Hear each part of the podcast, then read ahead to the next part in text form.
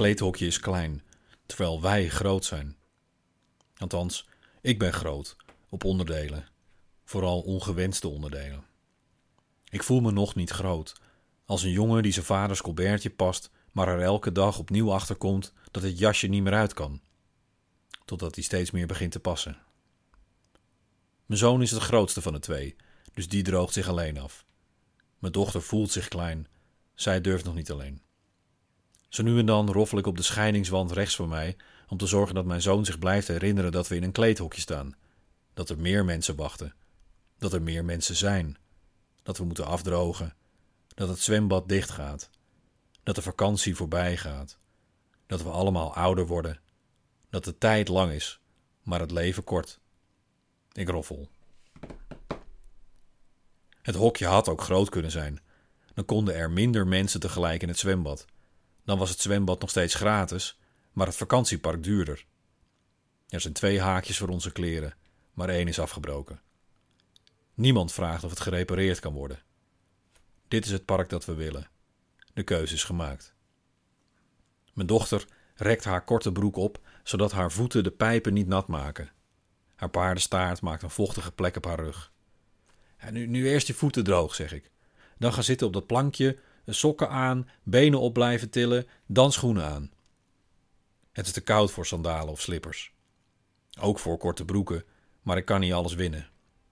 De tocht naar en uit het zwembad is een strijd die van deur tot deur bevochten wordt. Elke loopgraaf waar ik overheen spring, vier ik. Links van ons wil een jongetje bij zijn moeder in het hokje. Maar zijn vader heeft zijn kleren in de andere tas. Zijn moeder heeft alleen haar kleren en die van zijn zusje. Hij huilt. Kom, kom, zegt zijn moeder, waarmee ze vooral bedoelt: ga, ga. Zijn moeder kan hem niet troosten, want er is geen oplossing. De wereld is niet zoals hij wil dat hij is. Oneindige aandacht was er alleen toen hij nog geen zusje had.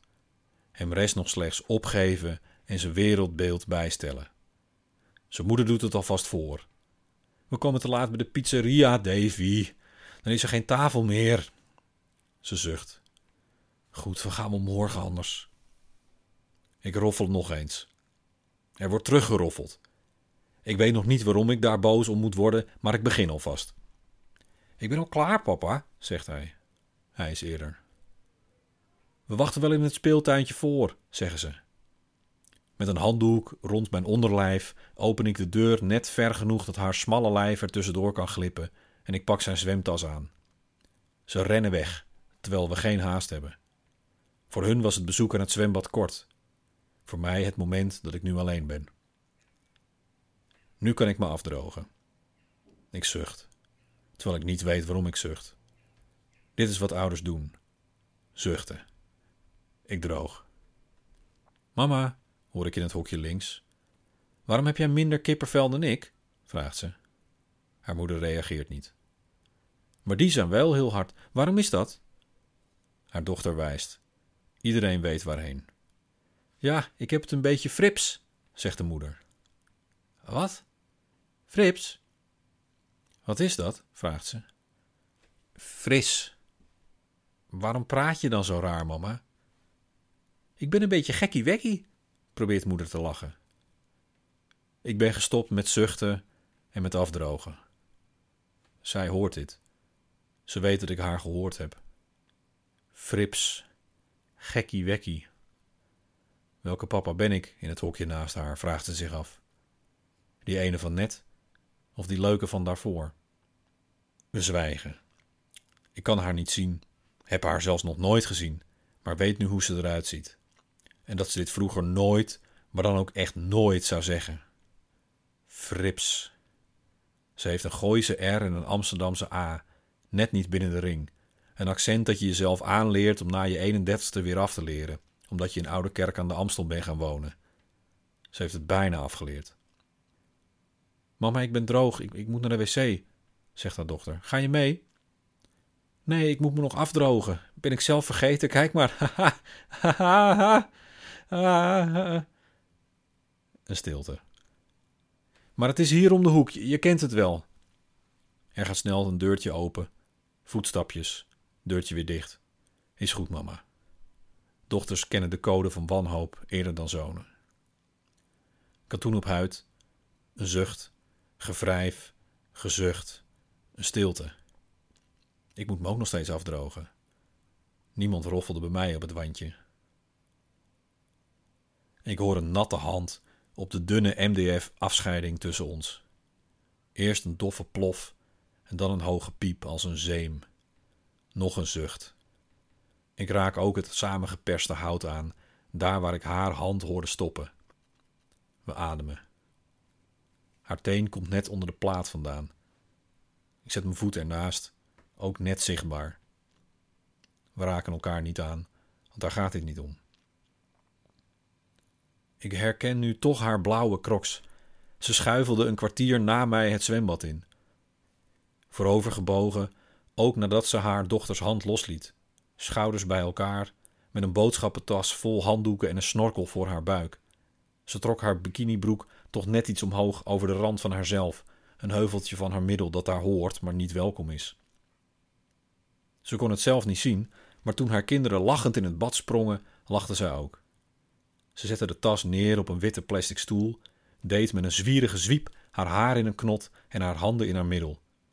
Een overwinnaarspose. Een Amazone. Nu tikt ze met haar vinger tegen het wandje tussen ons in. Kort, kort, kort, lang, lang, lang, kort, kort, kort. S-O-S. Ik wacht tot zij haar voet als eerste wegtrekt. Ik wandel naar de speeltuin voor het zwembad. Mijn zoon stuitert op een groot ingegraven luchtkussen. Er lopen modderige voetstappen van de rand naar de top.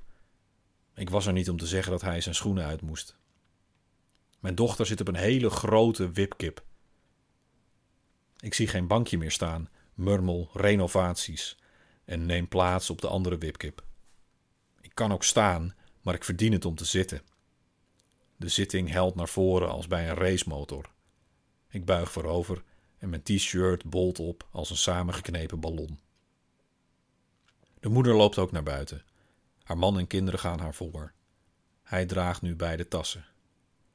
Haar rug is recht, ze houdt haar buik in en trekt haar jurkje naar beneden. Renovaties, mompelt ze. Lichtvoetig loopt ze op de punten van haar crocs, alsof ze even hakken aan heeft. Mijn dochter springt op mijn rug. Ze had me nog niet gezien. Ze omhelst mijn bovenarm en ik kus haar op haar fontanel. De moeder passeert ons. Ze weet dat ik niet kijk, maar haar wel heb gezien. Ze heeft zichzelf ook gezien. Even heeft ze zichzelf weer gezien. Weet u, zegt de reuze wipkip tegen mij, de meeste liefde is onbeantwoord. Hoewel, de meeste liefde is wel beantwoord, maar gewoon niet altijd met dezelfde liefde. Dit waren de keuzes die we maakten, reuze wipkip, fluister ik terug. Ik wrijf een lok nat haar uit mijn dochters gezicht. Ze rent weer naar de andere wipkip. In de derde poging weet ze er weer op te klimmen. Ik wieg dan al heen en weer. Want ik kan al met mijn voeten bij de grond.